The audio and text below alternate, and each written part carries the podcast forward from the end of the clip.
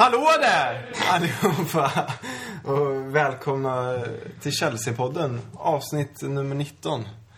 Snart jubileum, Oskar, eller hur? Vad säger du? Ja, det är bra. Tori André Flos gamla nummer, så det lär ju bli ett bra avsnitt det här, känns det som. Riktigt bra. Eh, Och det är Oskar, fina röst, som är med. Viktor. Yes. Hur är det med er? Efter segern igår? Men det är bra. Jag är lite trött. Känns konstigt att spela in på en söndag, men... Ja, jag tänkte också det. Det var länge sedan det var en söndagspodd, men det är roligt. Måste ju ändra lite rutiner. Ibland. Vi jag tänkte väl bara hugga direkt på den eh, sköna segern igår. Eh, 4-1 mot Cardiff. Planenligt kanske, men man vet inte riktigt vad som hände första målet. Nej, det var inte så kul start direkt. Med jättetabba av Louise och Check. Eh, Louise fick ju all skit för målet och jag tror att det är han som ska ha den också. Men samtidigt, det måste varit någon kommunikationsmiss där. Eh, För att Check ser inte ens ut att vara på väg ut. Nej, men det, Louise tror väl inte att han har den här Much, eller vad han hette, Cardiff-spelaren som gjorde mål där, att han har honom i ryggen. Utan han tror väl att bollen ska rena ner till check helt enkelt. Något annat kan jag inte tänka mig, det är väl bara, bara det. En grov missbedömning helt enkelt. Ja, dålig split vision, dålig koll på läget liksom. Håret kanske var i vägen. Möjligt. Det var så här travhästar som har lappat krullade för sig ögonen. Vad som störde mig där med målet också, men förutom att det var ett onödigt mål att släppa in och sådär, var att eh, jag antar att ni också kollade matchen på någon sunkig stream så här, Ja. och ja, det var ju så själva sändningen, hade inget med streamen att göra, att de klippte så jävla dåligt. Både på det målet och på vårt 1-1 mål. För vid båda tillfällena visade de någon repris eller zoomade in någon annan spelare eller något. Och sen bara klippte de över till huvudkameran och så var det friläge och så var det mål. Ja, för jag fattar inte vårt... När vi gjorde 1-1 så fattade inte jag Ja, det var exakt hände. samma då med. Det, man hängde liksom inte med. Det var helt plötsligt låg bollen i målet. Så bara, det var ju roligt. Men hade ni engelska kommentatorer? Ja, det var, det var väl Match of the Day-kommentatorerna tror jag.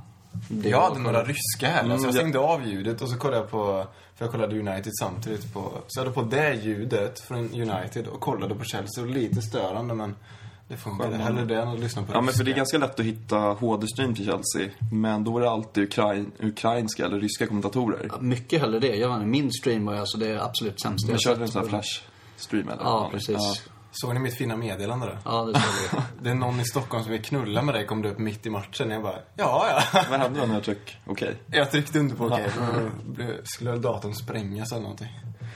Eh, Fint med så många virus och grejer. Men 1-1 målet då? Jag tycker det var skitkul när jag så snodde bollen. Men tydligen inte tillåtet. Ja, jag hörde det också. Mm, det, målvakten anses fortfarande ha kontroll när han studsar den där. Jag är fan beredd att hålla med där, alltså. Tycker jag. En sak om han rullar ut bollen framför fötterna på sig själv. För då har han ju släppt den, men när han står och studsar den så... Sen kan man undra varför ska målvakten ens hålla på och studsa bollen? Det är så här helt onödigt egentligen. Det, man hade blivit om de hade gjort så mot oss. Jag skulle säga att det hade varit omvänt så hade man ju fått ett jävla ryck. Men... eh, Ja, de dömde ju han, mål han så... gör ju ofta så i To, eller har gjort så i många matcher, att han smyger ner bakom målvakten och är beredd på den där. Det var inte första gången han gör så, så att... Ja, nu gav det utdelning, så det är väl trevligt. De var ju nära att klanta till det. Han, Ja, skämtar du, eller? Vad höll de på där? Han och Hazard och skulle passa varandra massa gånger. Det, var ju helt rätt av, det var helt rätt av Hazard att passa första gången till honom. Ja, det var Han det. bara lagt in den. Ja. Tänkte, vad fan gör han? Börjar finta och så blir han tacklad. Jag tänkte, vad fan. Nu kommer jag inte ihåg hur passen var, men man såg ju på reprisen att han är ju halva målet öppet. Så jag undrar om passen var lite för dåligt slagen för att han skulle kunna klippa till den direkt. Eller varför han försöker dra målvakten, för att det gör bara mer förbannad. Ja, det löste sig bra till slut i varje fall. Den, den satt ju.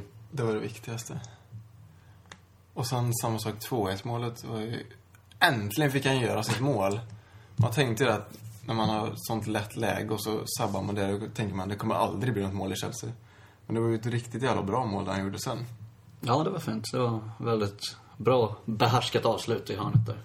Jag tycker man vad man vill om Eto'o, vad han har sagt om både oss och klubben, men vilken, vilken vilja, vilken, vilken glädje han visade vid målet. Han har varit helt galen. Eh, och det är, ja, det är kul att se. Kan ju vara enkelt publikfrieri också, men det är Ja, men det kändes äkta på något sätt. bättre det än att han bara gör mål och så bara skiter i och firar. Ja, precis. Ja, absolut. För det har varit lite för mycket Leo Knekt-stämpel på honom. Ja, han behöver inte extra sådana Nej. Faktiskt. Och sen... Mata gjorde inte så jävla stort avtryck. Det var ju första gången de tre startade tillsammans. Det var roligt på förhand när man såg att det var William, Mata och Hazard som skulle spela tillsammans. Men det var tunt från hans sida. Ja, även William var ju Ja, rätt William blek. Det, ingen av dem fick till det riktigt. De sa ju att de trodde, kommentatorerna, att de behöll William på plan för att han skulle få mer speltid. Att det var därför man bytte ut Mata, för att de var ju i princip lika dåliga. Tycker jag. Det var liksom 50-50 vem som skulle bli utbytt av dem. Och med Hazard, han var ju grym. Alltså det, jag tror att det är den bästa matchen han har gjort sen han kom till oss. Han har haft några individuella prestationer, men sett över 90 minuter. Han brukar inte den som försvinner i matcherna och vara osynlig längre tid. Men igår, han var ju liksom spelbar, skapade chanser, han var ju helt fantastisk. Ja, två mål och en assist. Ja, men liksom bortsett från, även fast han gör två mål så var han liksom hur bra som helst. Kanske det som gjorde att Mata och William såg sämre ut också än vad de var. Mm.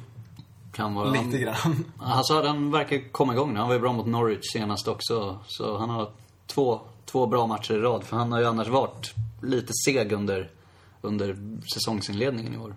Men nu kanske han börjar vakna till liv på riktigt. Skönt att vi alltså, tog en seger när Arsenal, som ju faktiskt ligger före oss, tog en seger också. Viktigt att liksom haka på. Skönt att se att United och Liverpool tappade poäng. City vann ju också. Det är viktigt att liksom, när de topplagen vinner, att vi vinner såna här matcher. Även fast eh, det på pappret är en enkel match så är det fan viktigt att vinna de här. Blev Mourinho utvisad, eller uppvisad på läktaren? Ja, det verkar ju inte vara fattar inte någonting. Han var ju lite utanför sitt liksom, område där, men... Jag såg bara att han fick något utbrott. Ja, men han drog ju typ en tokrush från sin bänk ut, nästan ut på planen. Och så sprang ju fjärdedomaren efter honom och drog tillbaka honom. Och så, då kom huvuddomaren också och pekade upp honom på läktaren. Så gick han upp och satte sig först på bland spelarna. Så vart han utvisad, eller liksom bortförd därifrån. Då fick han gå upp och sätta sig bland fansen. Eh, Man såg ni bilden efter det när, när de gjorde 2-1 målet, när han stod och jublade med Ja. fansen. Så jävla härligt. Fast jag tycker det blev lite väl mycket hysteri. Alltså han gör ju exakt samma som han brukar göra vid ett vanligt mål, bara att han var så fem rader längre bak nu. Det är så här, ja. Det är väl kul, men... Och så skängde vi Mourinho sitter var, vart han vill. Och sen han, snubben som fick sitta bredvid Mourinho och hans bild som han la upp på Twitter som hade så här 20 000 retweets eller någonting nu idag. Det... Sen stavade han fel till Mourinho också i den tweeten. Han missade U1 så det var, mm, ja, jag vet inte hur var det kanske till höger eller bakom honom? Nej, brev, precis bredvid. Ja. Skönt för Han satt väl och hade stånd där. Men Det som gjorde mig jävligt glad var att man fick se att han coachade på riktigt nu innan han blev uppvisad. Att han, när han bytte in Torres och tog ut en back. Vilka byten, ja. Eh, och sen Oscar kom in också. Skönt att se att, eh, att han kan förändra matchbilder fortfarande. Men han tog ut Bertrand mot Torres. Eh, Så då gick vi ner på tre backar. Och sen så fort 2-1 kom, tror jag, så kom ju... Ja, Aspikueta. Aspilicueta. kom ju han in istället för Eto'o. Så då var vi liksom fyra backar igen. Så ju riktigt tydliga byten vad som skulle göras. Så har det varit flera matcher i rad. Det var ju samma mot Norwich och samma mot Tottenham egentligen. Då, eller alltså väldigt tydliga, vågade offensiva byten när vi behövde mål. Och jag tror det, det- har gett utdelning i alla tre matcher. Precis, jag tror det gynnar honom också. Även om vi till exempel bara får med oss ett kryss. Att han liksom tydligt markerat att nu tar vi ut en back och slänger in en anfall för att ösa framåt. Istället för att byta ut kanske en anfallare mot en anfallare eller en anfallare mot en mittfältare. Då kan det bli lite så här, ja, vi försökte inte helhjärtat. Jo, men det sänder ju verkligen rätt signaler helt enkelt. Att här, nu ska vi bara ösa på, nu ska vi göra mål, nu ska vi vinna matchen. Och det gjorde vi. Komfortabelt. Oscar gjorde ett jävla snyggt mål också. Ja, snyggt mål av honom igen.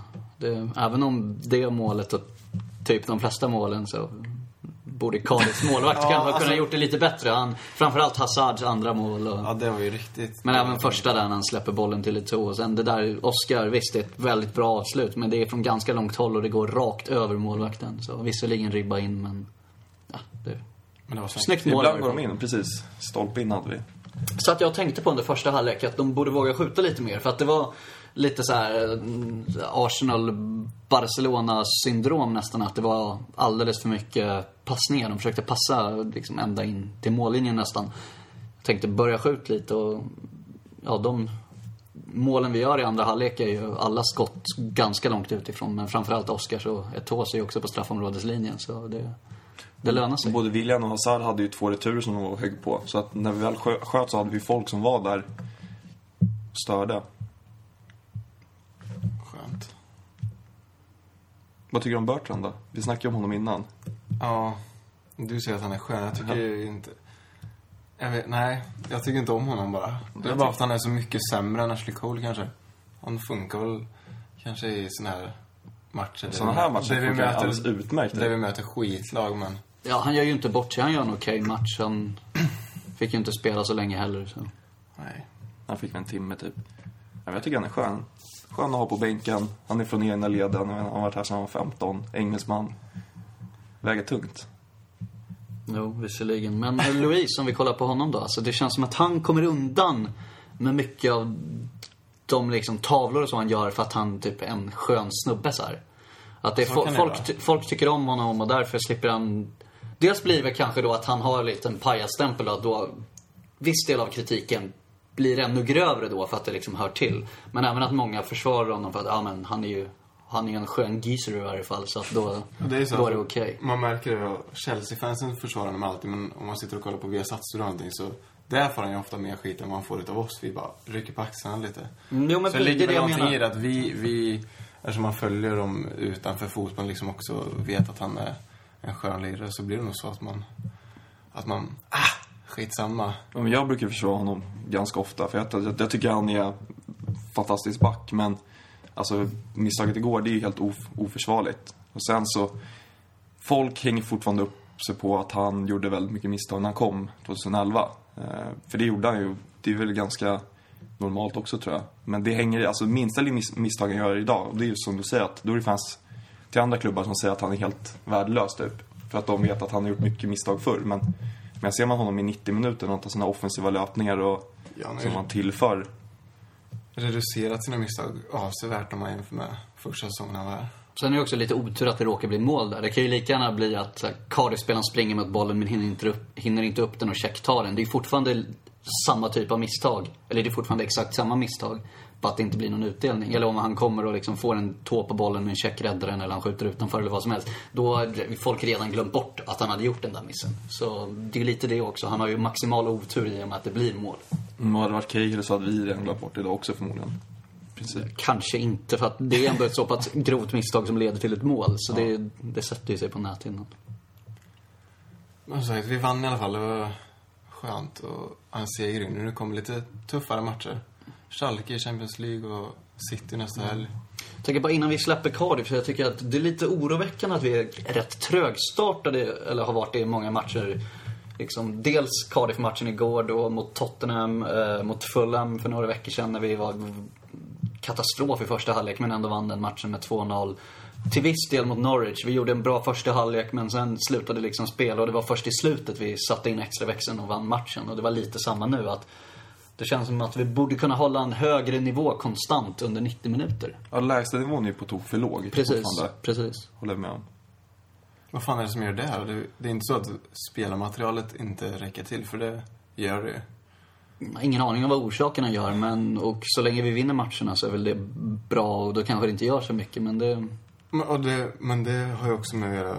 Alltså möter man Norwich och Cardiff och är lite trögstart så vet man att man, att man kan komma igen sen för de är inte lika bra. Möter man Bayern München och är trögstartade så ligger man med 3-0 i första halvlek istället.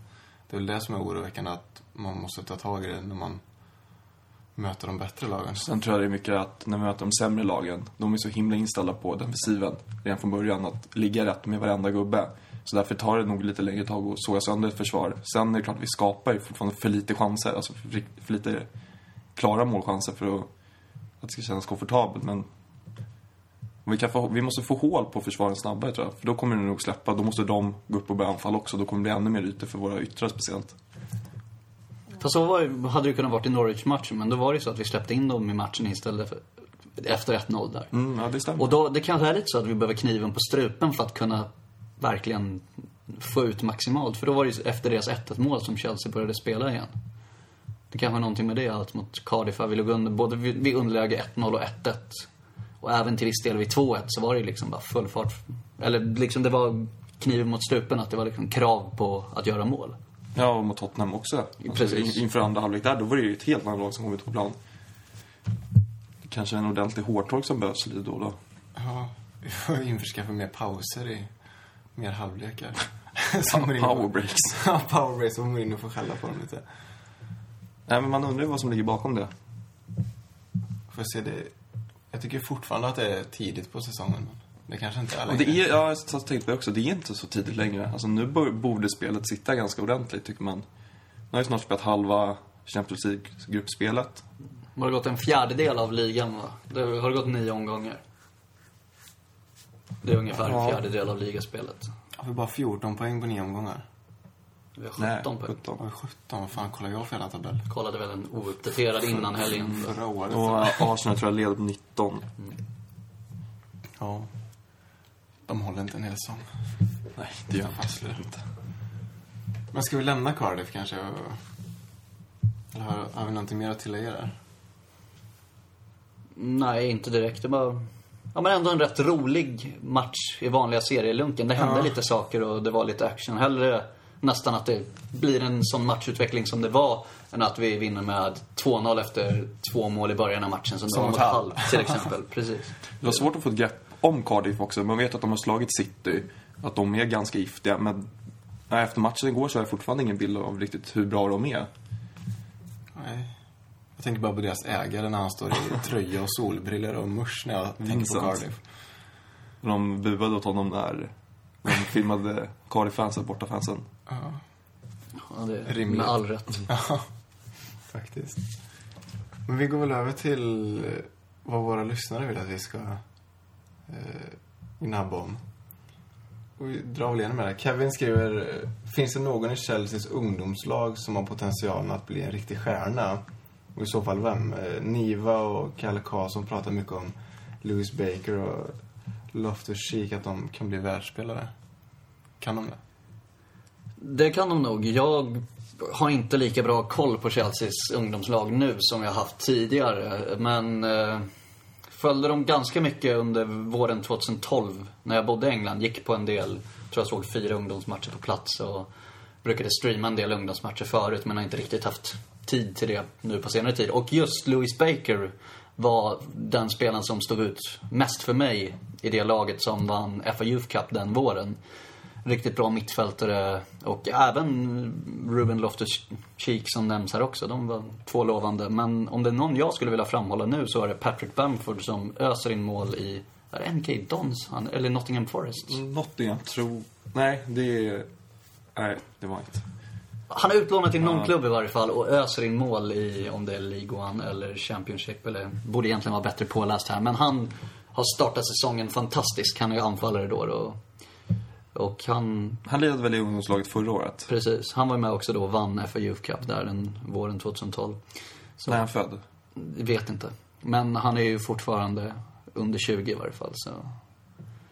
Han. Runt om, jag, 94, om jag får lyfta fram någon så är det honom då. Och Loftus-Cheek, han värvades väl för inte jättelänge sedan till akademin? Det är väl de senaste två åren Ja, kanske. under några kon kontroversiella former där som jag har blivit lite strul om i efterhand men jag är också för dåligt påläst där om det fallet just. Det är som vi har varit inne på många år. Det, vi har många bra talanger, men det är sällan vi får se dem komma fram ordentligt. Och det är svårt. Får jag göra en summera här om tre år kanske? Se vilka som, som har tagit en plats och inte. Mm. Men om jag får lyfta fram ett namn då är det Patrick Bamford. Lägg det på minnet. Och Louis Baker får väl vara någon slags tvåa där då. Oskar brukar ha rätt. Vi kan väl säga så. Elias skriver Alltid undrat varför detta stycket i Carefree-chanten är så sjukt uppspirrat. And we don't give a fuck whoever you may be, cause we are the famous CFC. Oskar, vill du ha svar på det? Eh, svar varför kan jag inte. Jag kan ju börja med att säga att jag har undrat samma sak. För att det, den Carefree-sången, den börjar lite halvt långsamt och sen går det alldeles för fort och folk ska klappa och liksom tappar hela takten. Och mot slutet så är det bara en massa mummel för att man ska liksom hinna med i tempot. Och det är ett problem som är genomgående för nästan alla Chelsea-sånger. Att de sjung- sjungs alldeles för fort helt enkelt. Det, och att folk ska liksom envisas och klappa liksom i sånger som till exempel Overland and Sea. Där inte alls behövs något klapp. Där ska ändå folk hålla på och klappa och så här. Det, och det är någonting som drar upp tempot. Och jag vet inte om de... Om det problemet är att folk inte tänker på det, att man inte är medveten eller om det blir på något annat sätt. Jag kan inte svara om, på varför men ett problem är det helt, helt klart. klappmongon. Ja. Klappmongo. Daniel skriver, ta gärna upp varför spelet ser så jävla knackigt ut. Är vi inte bättre än vad spelet visar? Saknar tiden då vi utklassade lagen vi möter, spelmässigt. Visst, 4-1 går mot Cardiff, men siffrorna var i överkant. Vi var inte 4-1 bättre än ens ett lag som Cardiff. Det är skrämmande enligt mig. Det har sett ut så här i princip hela säsongen. Det var det vi var inne på lite, att vi har svårt att... Att vi är trögstartade helt enkelt. Ja, och sen... Alltså det här kan man ju se på två sätt. Antingen kan man välja att se att vara väldigt nöjd med att vi vinner matcher trots att vi inte spelar så jättebra. Eller så kan man se det på sättet som Daniel och säkert många andra gör. Att varför spelar vi inte bättre än så här? Så det är väl lite både och. Jag väljer att se det på sättet att vi vinner matcher trots att vi inte spelar på topp. Och när spelet väl börjar sitta, vilket man hoppas att det gör, då kommer vi vara ännu bättre. Alltså jag tror det är dumt att jämföra Chelsea idag med sen fem sex år tillbaks. Både vårt lag och motståndarlaget. För att lagen idag som kommer upp till Premier League är mycket bättre än vad de var för på den tiden. Så att de här 7-8-0 segrarna, de kommer inte dugga lika tätt. Speciellt inte i ligan. Det händer inte så ofta längre. Nej, det är väl en tajtare liga. Det, det ser man ju ändå på, ja, på andra matcher, liksom andra resultat. Som City torskar mot Cardiff och United går jättedåligt. Och United Southampton, liksom United hemma förra säsongen hade inte tappat 1-0 i 88. Det kanske har mer med United att göra än Southampton. Men Southampton har också börjat bra. Det är väl inget superlag heller om man ser på pappret. Nej, men mer pengar har kommit in till, till alla lag så att de har kunnat förstärka. Eh, och för några år sedan, det var ju en 4-0-seger hemma. Det var liksom en dag på jobbet. Idag är man nöjd kanske med en 2-0-vinst istället. Och det gäller ju, men som ni sa, Capo City och de andra storlagen. De vinner ju inte heller mot bottenlagen. Det är ju inte bara vi som inte vinner stort, utan det är liksom inga lag i ligan. Det är ju City som slår United stort, typ. Sen är det inte riktigt resultaten, utan det är väl spelet som sådant som Daniel syftar här på. Det får man väl hålla med om att det har inte sett jättebra ut, men återigen, har man lite tålamod och hoppas att det kommer igång. Det är kanske ett naivt synsätt i och för sig, att det kommer bli bättre, att man liksom faller tillbaka på det som någon slags ursäkt, men... Ja, vad fan. Jag tycker att så länge vi vinner matcherna så ska man vara nöjd med det. Det har gett oss poäng för att ligga tvåa i ligan, så. Trea, va? Nej, tvåa ligger vi. Ja, det kan vi göra. Ja. Två ligger vi. Ja, just det. Liverpool vann inte. ja. Och sen ska vi se, vi spelade 1-1 mot Bayern över 90 minuter. Eh, och med, det kanske är, det kanske är så här bra. Eh, att vi inte kan nöja oss så mycket mer. ja. Ja, det har ju inte varit någon katastroföppning, inte alls. Alltså, vi, vi- vi har tappat poäng i de tuffa matcherna och vi har vunnit typ alla andra matcher. Så, så får det väl vara. Så får det vara. Marcus skriver, Mata, vad har hänt? Trött, sliten, han är vilse på planen tyvärr. Slutcitat. Du är också lite inne på... Så den som ändå visste det skulle ju liksom... Gärna få träda, träda fram och berätta. Ja, exakt. Vilse på planen tycker jag det stämmer ganska bra. Eh, Mourinho lär ju slita sitt hår över Matas situation just nu. Blir bara gråare och gråare för varje dag. Ja, det, är lite, det är lite plågsamt att se det som man tycker om honom så jävla mycket. Att han fortfarande inte har kommit igång den här säsongen. Han blixtrade ju till där i andra halvlek mot Tottenham när han blev inbytt och, och något sånt här, men sett över 90 minuter någon gång så... Ja. Ja, men den timmen som han gjorde mot Cardiff, men han hade ju ett farligt skott va?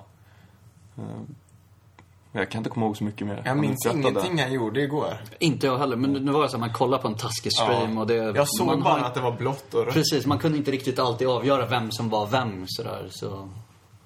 Och då blir det att man, man orkar inte kolla lika så här fokuserat heller för att man vet att det är så taskig bildkvalitet. Men ja, jag har ju hela tiden hävdat att han, är- att han är trögstartad i början av säsongerna, vilket han har varit hittills i Chelsea. Men nu, som vi var inne på tidigare, det är inte riktigt i början av säsongen. Vi har ändå kommit in en bra bit. Men frågan är hur länge vi kan sitta och säga det. Mm. Vi får försvara honom in i det sista helt enkelt, Ja. tycker jag. Vincent skriver, eh, det faktum att vi har 9000 som ska till Emirates nästa vecka. Är det någon av oss som ska dit? Nej, tyvärr. Ingen av oss som ska dit va? Det är tre stycken CSS-are som ska dit, vad jag vet. Det var ju ganska kort varsel från liksom lottning till match och det, och det är inte alla som har möjlighet att åka då. Men det, ja, det ska bli himla kul för de som ska dit och förhoppningsvis kommer det höras på TV för oss som kollar. Och kan man säga att den här det där 9000 på Emirates, det kommer återkomma lite senare i avsnittet idag. Kommer komma in på det där igen. Bra. Eh, Anders skriver, skriver ta upp De Bruyne, gör han rätt i att stanna? Jag vill gärna att han får en ärlig chans. Eh, vad tycker vi om honom?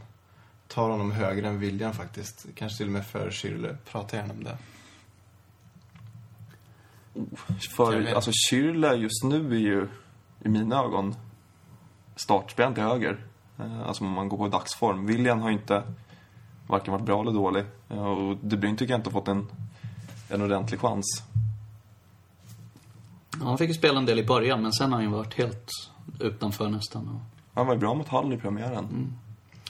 Men stanna, alltså om man ska lånas ut då, är det det som frågan är? Det... Ska inte sälja honom nu. Nej, det, Det kan man ju verkligen inte göra. Men, alltså vill han ha en utlåning så får det väl bli det. Men då ska det vara till en Premier League-klubb. Det, något annat finns ju inte. Han ska ju inte till en lägre division, han ska inte till en annan liga. Utan han ska till Premier League. Så det, Han sa själv att eh, han vill stanna så får man se vid jul vad som händer. Eh, så att det var lite både och från hans sida. Men jag tror att han, eh, han kommer nog stanna. Sen om det är bäst för honom eller inte, det får det vi är väl se. bra för Chelsea i varje fall att ha alternativ. På, på kort sikt är det det bästa att han stannar. Sen på lång sikt kanske det är bättre om man får speltid för att utvecklas. Men det... Ja, det som är bra med honom är att han är så himla allround. Men han kan spela i princip överallt på offensiva mittfältet och gå ner som sittande. Nu har vi inte det problemet kanske med en tunn trupp i år, men samtidigt är det sådana spel man vill ha kvar i laget. Jag får hoppas han går in och sätter två kassar där mot Arsenal i, i. Ja, Eller hur? Jakob skriver, hur tror ni att vårt mittfält kommer att se ut och stå sig på sikt? Vem kommer att kunna bli en legend? Min chansning är Möta. Men vilka kommer vara trogna och stå kvar på, om man ser då, fem, sex år framåt? Som Det var förra lite, veckans Ja, eller hur? Lite liknande fråga som förra avsnittet när vi, vem som skulle kunna bli legend. Då sa väl alla Möta. Då var vi Ja, ganska eniga. Ja. Och vilka kommer stanna kvar? Det är omöjligt i dagens fotboll att veta vilka Så jag, jag tror stanna kvar Moses och eh, Marin kommer nog inte vara kvar om 5-6 år.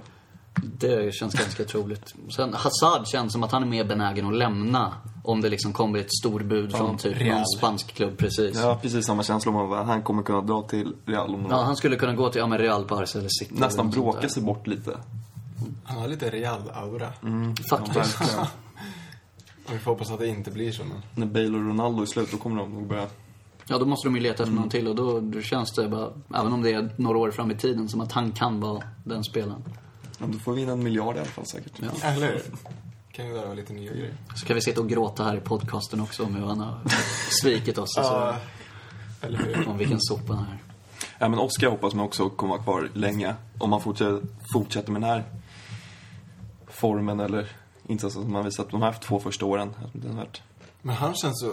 Alltså, av andra klubbar känns han så underskattad, på något sätt. Om man jämför med typ Hazard som alltid är uppsnackad och... Oscar känns mer anonym. Även fast han har gjort det sjukt jävla bra den här säsongen. Han är ju Så- ordinarie i Brasiliens landslag nu i princip Ja. också. Men känns fortfarande inte upphaussad på samma sätt. Han är lite mer eh, alltså, anonym personlighet också. Även om Hazard inte är någon som syns jättemycket. Men det var ju hela den här typ att han började twittra om vilken klubb han skulle Ja. till innan han skrev på för Chelsea. Han var ju mer upphaussad som spelare innan han kom till Chelsea. Oscar var ju väldigt anonym. Om vem han var. Ja, han spelade ju nere i, ja, i Brasilien. Så han var ju inte ens i Europa innan. Så det, det är väl delvis därför. Vi går vidare då. Eh... Shakib skriver Courtois checkfallet. Ja, vi har ju sagt att vi inte ska prata något mer om Courtois. För att det finns, ingen, det finns inget nytt att säga där. Jag tycker det är kul att någon tar upp frågan. Nej, det finns inte så mycket nytt på västfronten. Inte. Ja, men Mourinho kommenterade ju det där i veckan och sa att han har världens bästa unga målvakt i Tjeck som bara var 30 år. Och sen har de världens bästa, vad var han sa, in, ja, juniormålvakt typ. Ja men något sånt där i Courtois. Eh, Så det är frågan hur de löser det nästa år. Ja. Vi får avvakta. En utlåning. Vi pratar inte om det här mer förrän nästa år. Precis. Det kommer ju komma frågor varje vecka, men det får vi... Vi får, vi får avfärda det. Just det, det var ju rykten om att Barca var sugen på honom nu också. Eftersom att Valdes var på väg till Monaco. Hopp. Jag älskar det. Du skulle se? Oskars Ja. blick när Viktor tar upp silly season överhuvudtaget. Courtois värde kanske sjunker efter självmålet i helgen. Nej, det är det inte. Henrik skriver, är Burton tillräckligt bra backup till Cole? Eh, Tycker han blandar och ger. Vet inte om det räcker till eh, när Ashley lägger av. Nej, han är, han, är, eller han är tillräckligt bra backup men han är inte tillräckligt bra för att ersätta honom om inget sker. Om han inte hinner utveckla sig under de två, tre åren eller vad Ashley Cole nu har, har kvar. Nej, precis. Han kommer vara en grym backup till nästa ordinarie vänsterback också förmodligen. Som jag hoppas blir Baines. Leighton. Ja. Ja, det har varit mycket snack så här, framförallt England då nu. I och med att Baines gjorde en bra match. Deras senaste här liksom, mot Polen var det var, slog ett kanoninlägg som Rooney nickade i mål. Och Baines är säkert en bättre offensiv vänsterback än Cole. Han har bättre inlägg och kommer upp bättre i banan, slår fantastiska frisparkar. Men defensivt så känns det som att Cole ändå är snäppet bättre. Men jag har för mig att Baines var den som slog mest avgörande passningar eller om det var mest skapade målchanser hela förra året. I hela ligan. Hela ligan. Ja, det är ju rätt vasst för att vara Ja. vänsterback i så fall. Men så var det, för det läste jag också. Ja, han det- skapade mest lägen. Han slår inläggen, han slår hörnerna, han slår frisparkar så att det blir rätt mycket assist. Ja, naturligt. Och där är ju Burton en perfekt reserv också till Baines i så fall. Ja, han får fortsätta Men det jag, gillar med, det jag gillar med Burton det är att han, han kan ju spela mittfältare också. Han har ju ganska bra tekniska kunskaper. Så man kan se när han snurrar ner vid hörnflaggan. Eh, Han kan ju dra en tvåfot där liksom i straffområdet. Så är det. Men tack, tack som fan för att ni hör av er. Det är kul. Fortsätt göra det. Skriv så mycket ni bara orkar. Det fyller vårt avsnitt med bra innehåll och bra funderingar för... Skitbra, fortsätt med det. Och det är på Facebook-sidan då kan vi tillägga, där vi för övrigt har 499 likes. Så, In och gilla! ja, så vi kommer över 500 i varje fall. Ja, det är coolt. och vi går väl vidare med ett eh, inslag som har blivit lite av ett favoritinslag för många. Eh, jag ger helt enkelt eh, Oscar berättar.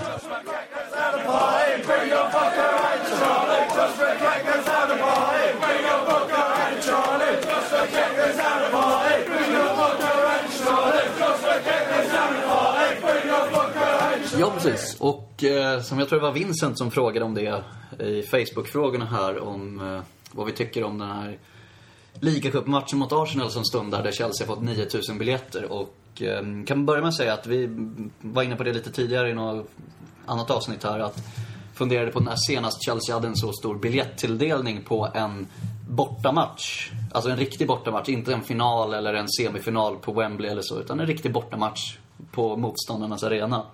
Och jag har funderat och funderat och liksom kollat bak i så här statistik och så. Och jag, jag hittar ingenting under den tiden som jag har följt Chelsea aktivt som är sedan typ 97-98 och framåt. Så det är alltså, det är något unikt här verkligen att få så många biljetter på motståndarnas arena.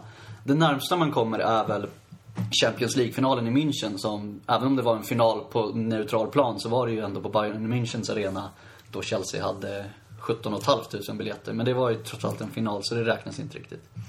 Nåväl, den här ligacupmatchen mot Arsenal nu eh, för tankarna tillbaka till två gamla matcher mot Arsenal. Två klassiker. Den första är, eller den näst senaste kan man ska säga, är en ligacupmatch på Highbury som spelades 1998 och jag tror att det var ligacupens fjärde omgång precis som nu. Ehm, Chelsea kom dit och Eh, hade inte vunnit borta mot Arsenal på väldigt länge. Nu vet jag inte hur många år det är, men en, sen början av 90-talet, sen 6-7 år någonting. Och eh, Arsenal ställde upp med lite ett B-betonat eh, lag. De hade Alex Manninger i mål istället för David Seaman till exempel. Men de hade ändå spelare som Vera, Bergkamp och så vidare. De hade ett bra lag. Chelsea kom dit med, ja men i stort sett bästa laget. Och körde över Arsenal med 5-0 i den matchen. LeBuff gjorde ett mål på straff och sen gjorde Poirier och Vialli två mål var. För övrigt Bjarne Goldbecks debut i Chelsea-tröjan. Eh, för, och det vore kul med en repris på det. En ny 5-0-seger i ligacupen borta mot Arsenal.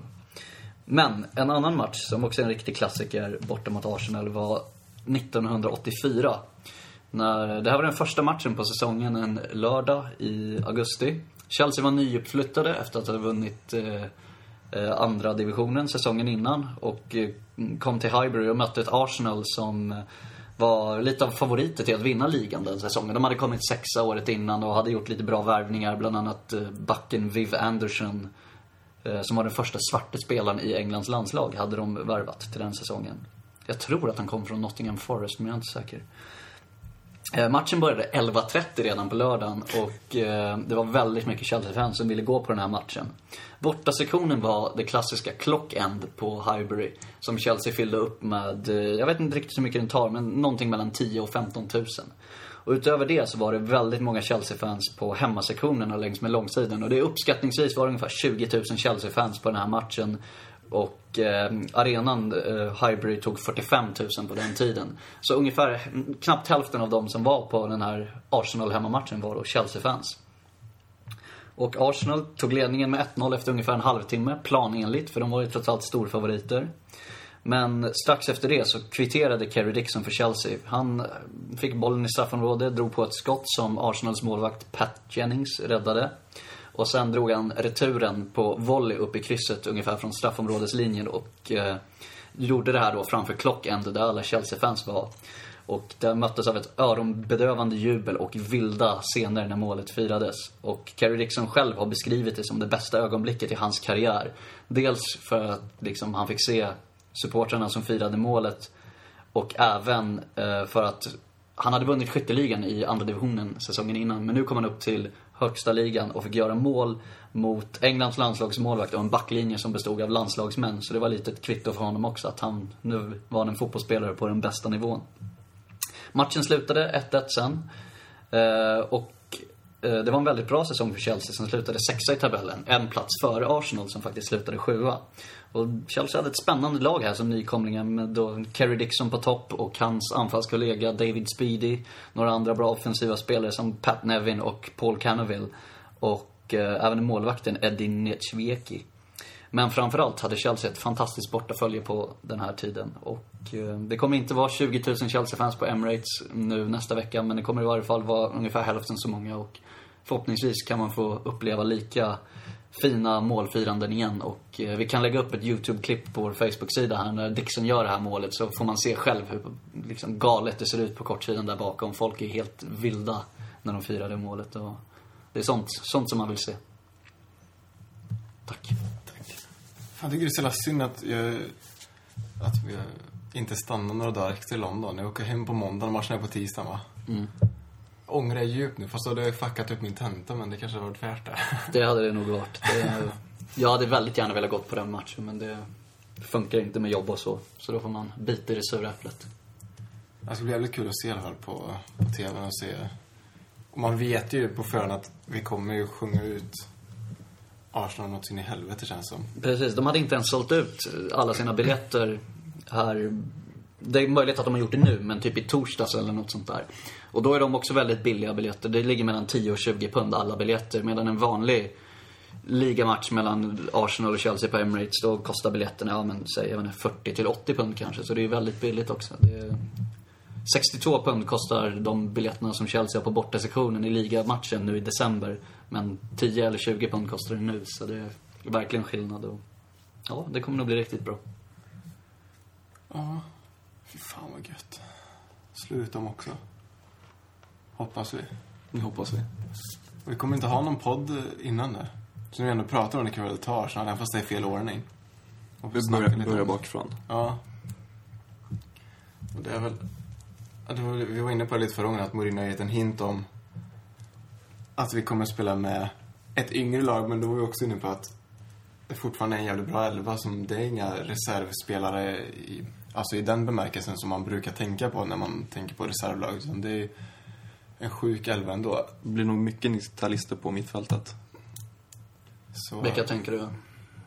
Eh, De Bruyne. Eh, Schürrle vet jag inte om han är med skadan där. Det är ändå över en vecka kvar, så... Mm. Oscar. Mycket mer att han får start. Ungtuppen SEN lär väl starta också. ja, precis. Van Ginkel hade ju startat, misstänker jag, om han har varit frisk. Eh, Det ska bli spännande att se i alla fall. Dave lär ju starta kanske på högerkanten. Det lär han göra. Och det känns som att alltså, vår första elva kanske inte så mycket bättre än Arsenals första elva. Jag menar, de är ändå serieledare och börjar säsongen väldigt bra. Visserligen mot ganska svagt motstånd. Men vår andra elva, om man säger så, liksom nästa elva spelarna, de är ju betydligt bättre än Arsenals motsvarighet. Jag för mig att Arsenal roterade ganska friskt i sin match mot West Brom. Ehm, Så det lär ju finnas risk att de gör det mot oss också. Sen får man ju se, det är kul om de kör med Özil. För det är ju verkligen ett kvitto på att de gör allt för att vinna. Det är klart att de kommer göra ändå, men lite med vilken inställning de går in i. Det är ju den största indikationen. Spelar Özil eller inte? Det är, eller det är en väldigt klar indikation på... För den körde ju United med förra året när vi slog ut dem i FA-cupen, att de hade sitt juniorlag typ. Ehm, Ja, det var van Persie vilades. Ja, precis. Så det är någonting man brukar dra när de förlorar. Eller, det gör väl alla lag att Ja, skön, vi hade ett sämre ursäkt. lag. Ja, precis. Jo, nej, men Arsenal brukar ju traditionellt sett spela en slags B11 i ligacupen. Jag skulle tro att de gör det nu också. Det är när de ändå har startat ligan så bra så vill de nog inte... Då kommer de nog prioritera ligan väldigt högt. Så känns det verkligen. Vore det lägligt med en håll käften-seger? Ja, men en ny 5-0 där som, som 98, det hade varit schysst. Det har varit jävligt nice. Och eftersom vi går bakifrån så eh, är City i ordningen. City som, Om en inte, vecka exakt idag. Ja. City som inte har slagit sedan 2011. Torskat fyra raka mot dem. Inklusive de här LAL-matcherna i USA. någon 0-0 match där också. Ja, emellan. Benites första. Mm, men sen torskade vi i serien och i FA-cupen va? Precis. Och sen torskade vi andra matchen där 2011-2012. Men sen slog vi dem med 2-1 på hemmaplan där också i, för två år Och sedan. Lampard brände ju en straff där vid något 1-1 tillfälle. Ja, Ja, just när de slängde in TV som hängde, som avgjorde. De är jobbiga att möta, de är skitjobbiga att möta. Det är också en liten, det är en bra liksom värdemätare vart man ligger eftersom, jag får City inte har börjat superbra men det är ändå tungt jävla lag alltså. De ligger en poäng bakom oss, så det är ju Ja, verkligen ett, en viktig match. Alltså kan nästan vara lite, lite av en vattendelare. För slår vi dem, då liksom är vi verkligen med verkligen på gång. Men säg att vi ska förlora mot dem, då har vi inte, eller tappa poäng så här, då har vi ändå inte slagit någon av United, City och Tottenham som vi ändå mött. Då är ändå det ett litet svaghetstecken att vi kanske inte klarar av att vinna de här största matcherna. Men om vi däremot vinner, då är det ju riktigt, riktigt bra. jag skulle säga City är ju överlägset svåraste laget att möta för oss. Eh, av alla lagen i ligan i år. Nu har vi dem i och för sig hemma, så det kanske, det är förhoppningsvis en fördel. Men Och det är ju första liksom, toppmötet på hemmaplan så förhoppningsvis kan det bli lite stämning på Stamford Bridge också för en gångs skull. Det... fan vi ses ju där du och jag. Mm, jo men precis. Vi får väl försöka bidra så gott vi kan i varje fall. Så. Hoppas att alla andra dönickar också vaknar till liv. Annars får du hota dem med någonting. Ja, det får vi göra. Vi snackar skit om dem i Chelsea-podden om, de inte skärper till sig. Eller rädda dem blir det tror jag. Ja, men det är främst Agüero som vi måste passa oss formstark. Han gjorde två mål och ett assist igår kväll va? När de slog, slog West Ham med 3-1. Han nickade in ett mål. Ja, det är väl 1,40 in- 1,40 lång och Helt in mot, omarkerad. mot West Ham som har ganska, har ganska tunga spelare. Nej, vi såg, såg matchen på, eller jag hade den på igår. De var ju riktigt bra. Det- Deras problem, det är ju deras defensiv. Så men, kan vi skada dem där så har vi mycket vunnet. Kompani är borta. Så, Ja, så här kommer det ju inte funka med någon så här seg start. Utan då är det fan bara ös på från Ja. första början. Det verkligen. tycker jag. Och så får vi stoppa Jaja tidigt i banan. Människoätaren, fy fan. Ja, han är ofta bra mot Chelsea också. Var fruktansvärt bra förra året. Han är ju en fruktansvärt bra fotbollsspelare överhuvudtaget, tycker jag. Ja. Får ta någon som... Får hyra in Ballack tillfället så skadar honom så är det klart. Ja. Låta SEM få några minuter. Eller hur? Härligt. Och nästa match i ordningen då. Eh, vi har Schalke i Champions League på tisdag. Om två, eller ja, imorgon för er som lyssnar. Och det är också en jävligt viktig match. Schalke ligger ju femma i Bundesliga. Eh, Det är väl det vi vet om dem. De vann med 3-2 i helgen mot Jumbon Brunschweig. Tydligen så här utan att imponera. Men... Slog Basel med 1-0 och Stoja 3-0 tror jag. 3-2. Ja, de har sex poäng i varje fall. Ja. Så slår vi dem, då går vi upp på sex poäng och Sen beror det på antingen om, om Basel slår Stoja, då är de också på sex poäng. Då är det verkligen så här tre lag som kommer slåss om de två platserna och gå vidare. Men om de istället förlorar mot Stoja, då är det två lag på sex poäng och två lag på tre poäng och då kanske det är två skikt i den lilla tabellen som börjar arta sig. Ja, det lär ju bli de två lagen som vi vidare får inte tappa poäng överhuvudtaget den här matchen. Ja, ett kryss tycker jag ändå är okej. För vi har ju dem hemma sen två veckor senare och kan passa på att vinna då. Men förlora ska vi ju gärna undvika att göra.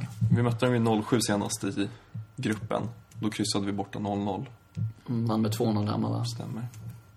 Ja, det skulle jag ta på de här två matcherna. Fyra poäng, definitivt. Kanske.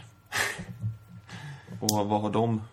Ja, det är väl Draxler som är deras affischnamn. Eh, så värvade de ju Boateng i Huntelaar. Huntela, men han är ju knackig. Ja. Han kanske blixtrar till mot Chelsea. Mm. Varför det? Gamla Dortmund-backen Santana har de ju som mittback. Det är väl det vi vet om Schalke. Det ska bli kul i alla fall med Champions League igen. Fan, kan, kan inte landslagen upphöra bara? Så att det aldrig mer är landslagsuppehåll. Det kan bara vara VM och EM på somrarna och sen så skiter de i att spela några matcher mellan. Det är för tröttsamt. Låt dem muta sig till VM och EM. Ja? Det är ju så det funkar ändå i den där Fifa-organisationen. Så. Ja, så får det bli.